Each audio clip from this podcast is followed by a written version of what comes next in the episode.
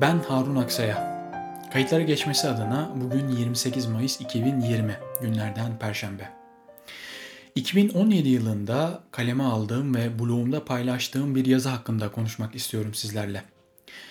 Yazının başlığı Yokluğun Gücü, Varlığın Rehaveti. O dönem beni çok etkileyen bir söz üzerine bu yazıyı kaleme almıştım ve bu dönem yani şu içinde bulunduğumuz pandemi sürecinde bu yazı benim için çok daha anlamlı hale geldi. O yüzden sizlerle de bir video e, formatında e, paylaşmak istedim. Umarım sizler için de faydalı olur. Yazıya e, videonun açıklamalar kısmında yer alan yer alacak olan e, linkten de ulaşabilirsiniz. Halide Edip, Anadolu'da yokluklar içinde başlayan İstiklal Harbi ile ilgili böyle bir mücadelede yoksulluk zenginlikten çok daha heybetli görünüyor der. Bu coğrafyada yaşayan insanların çoğu yokluğu bilir. Yokluk biraz da eksik olmak demektir. Her daim bir şeyiniz eksik olur. Ama şimdi anlıyorum ki asıl yokluklarımız bizi var ediyor. İçinde bulunduğumuz yüzyılın en büyük sorunu varlık içinde boğulup kalmış insanlık. Tüketim canavarına dönüşen insanoğlu var olmayı araçlarda, eşyalarda arıyor. Tükettikçe mutlu, mutlu oldukça da tüketmeye başlıyor. Bu kısır döngü bizi fabrika ayarlarımızdan uzaklaştırmış durumda. Albert Einstein'ın mutlu bir hayat yaşamak istiyorsanız hayatınızı bir amaca bağlayın. Kişilere veya eşyalara değil sözü sadece sözde kalıyor. Hepimiz kullandığımız telefonun daha bozulmadan bir üst modelini almak istiyoruz. Bir üst modelini aldığımızda ise daha yenisi raflarda yerini alıyor. Kullandığımız bilgisayarları yeterli bulmuyor, dolaplarımızı belki sadece bir kez giyeceğimiz eşyalar satın alarak kendimizi mutlu ediyoruz. Onlar üzerinden hayaller kuruyoruz. Bir müddet sonra eşyanın cazibesi kayboluyor. Tek amacı bir eşya olan insanoğlu günün sonunda işte bu yüzden mutlu olamıyor.'' Bizi varlığın rehavetine boğan bir diğer sorun ise oluşturduğumuz konfor alanları. Konfor alanı kişinin alıştığı düzeni koruyarak risk almaktan kaçındığı, kendisini güvende hissettiği etrafı görünmez duvarlarla çevrili bir alandır. Konfor alanları yaratmak insanın doğasında var. Üniversite okumak, mümkünse iyi bir KPSS puanı alıp mesleğiyle ilgili olsun ya da olmasın devlette bir iş bulmak, ev veya araba satın almak. Maalesef hedeflerimiz bunlarla sınırlı. Çoğumuz bu konfor alanından çıkamıyor, varlığın rehavetinde kaybolup gidiyoruz. Yazar Seth Godin teknoloji devrimini kastederek bu devrim insanoğluna daha önce kimsenin sahip olmadığı imkanlar sağladı. Ancak biz bu imkanları kedi videoları, videoları izleyerek harcıyoruz diyor yazar Seth Godin. Ben bu sözü şöyle yorumluyorum. 21. yüzyılda insanoğlu o kadar çok imkana sahip ki sahip olduklarımıza karşılık ürettiklerimiz bir hiç kalıyor. Çünkü varlığın rehaveti üzerimize sinmiş durumda. Yokluğu sadece maddi yokluk olarak da görmemek gerek elbet. Hayat gayesi olmayan bir kişi de pekala fikren yoksul olabilir. Bence yokluğun en tehlikeli olanı da budur.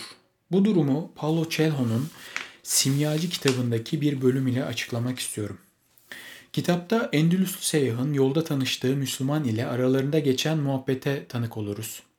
Müslümanın tek amacı hacca gitmektir. Bunun için de çalışıp para biriktirir. Bir zaman sonra yeterli parası olur ancak yine de gitmez. Endülüslü seyyah niçin gitmediğini sorduğunda ise eğer gidersem döndüğümde hiçbir hayalim kalmayacak. Bu beni çok korkutuyor der. Çoğumuzun bir hayali yok. İşin kötü yanı hayalimiz olmadığının farkında dahi değiliz. Küçük hedefler peşinde biraz da varlığın rehavetiyle yaşayıp gidiyoruz.'' İnsanı başarıya götüren yol, yokluk ve arayış içinde idealist bir duruş sergilemekten geçiyor. Bizi uzun vadede ayakta tutacak insanlık ve bilim için ideallerimiz olmalı. Tasavvufta ise bunun karşılığı insanı kamil olmaktır. Varlığın rehavetini aşmak için yokluğun gücünü aramalı, azın çoktan fazla olduğunu görmeliyiz. Ee, yazıma Cemil Meriç'in bir sözüyle son vermişim. O da şu, çok güzel bir söz. Her şeyin yokluğunu çekmeli insan. Yokluk varlıktan daha görkemli ve daha anlamlıdır diyor Cemil Meriç. Ee, evet dostlar özellikle bu pandemi sürecinde hmm, birçok şeyin bence yokluğunu hissediyoruz, çekiyoruz. En basitinden büyük şehirlerde hafta sonu dışarı çıkma yasağı var ve biz hafta sonu belki dışarı çıkmayacak olsak dahi eğer yasaksa bunun bir hasretini, özlemini çekiyoruz. Yani şahsen ben pazar e, gece 24'ü gördüğümde böyle bir oh diyorum, rahatlıyorum ki e, dışarı çıkma imkanım en azından oturduğumuz apartmanın bahçesinde dolaşma imkanım olduğu halde e, dışarı çıkamamak hakikaten yasakların olması insanı olumsuz etkileyebiliyor. Ama e, yani bu yazı beni e, özellikle bu dönemde e, ciddi anlamda yokluğun gücünü fark etmeye dair e, derinleşmeme imkan sağladı. Şöyle anlatmak isterim meramımı. E, yani aslına bakarsanız bu pandemi sürecinde yaklaşık olarak iki aydır evlerimize kapanmış durumdayız. O şikayet ettiğimiz hayatın, o iş hayatının, o sosyal hayatın, o koşuşturmacanın ne kadar kıymetli ve güzel olduğunu bize gösterdi. Yani biz bu normalde bu pandemi sürecinden önce sahip olduğumuz hayatın güzelliğini, kıymetini anlayabilmemiz için bu yokluğu çekmeliydik. Ve bu pandemi de aslında bize bu yokluğu verdi. Umarım e, bundan iyi dersler çıkartırız. Kendi adına konuşuyorum ve bu süreç normale dönüp tekrar bir sosyal hayatımıza döndüğümüzde e, o varlığın nehavetine kapılıp tekrar boğulup kalmayız.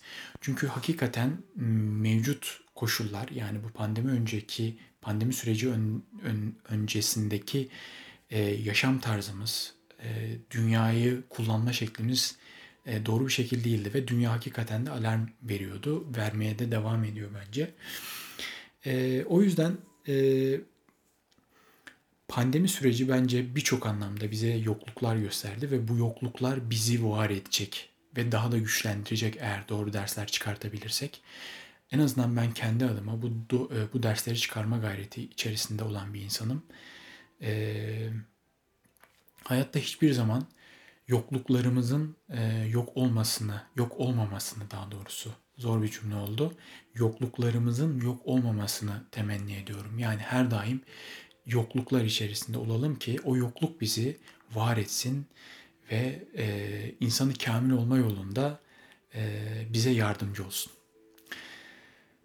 Teşekkür ediyorum videomu izlediğiniz için. Umarım faydalı olmuştur. Görüşmek dileğiyle.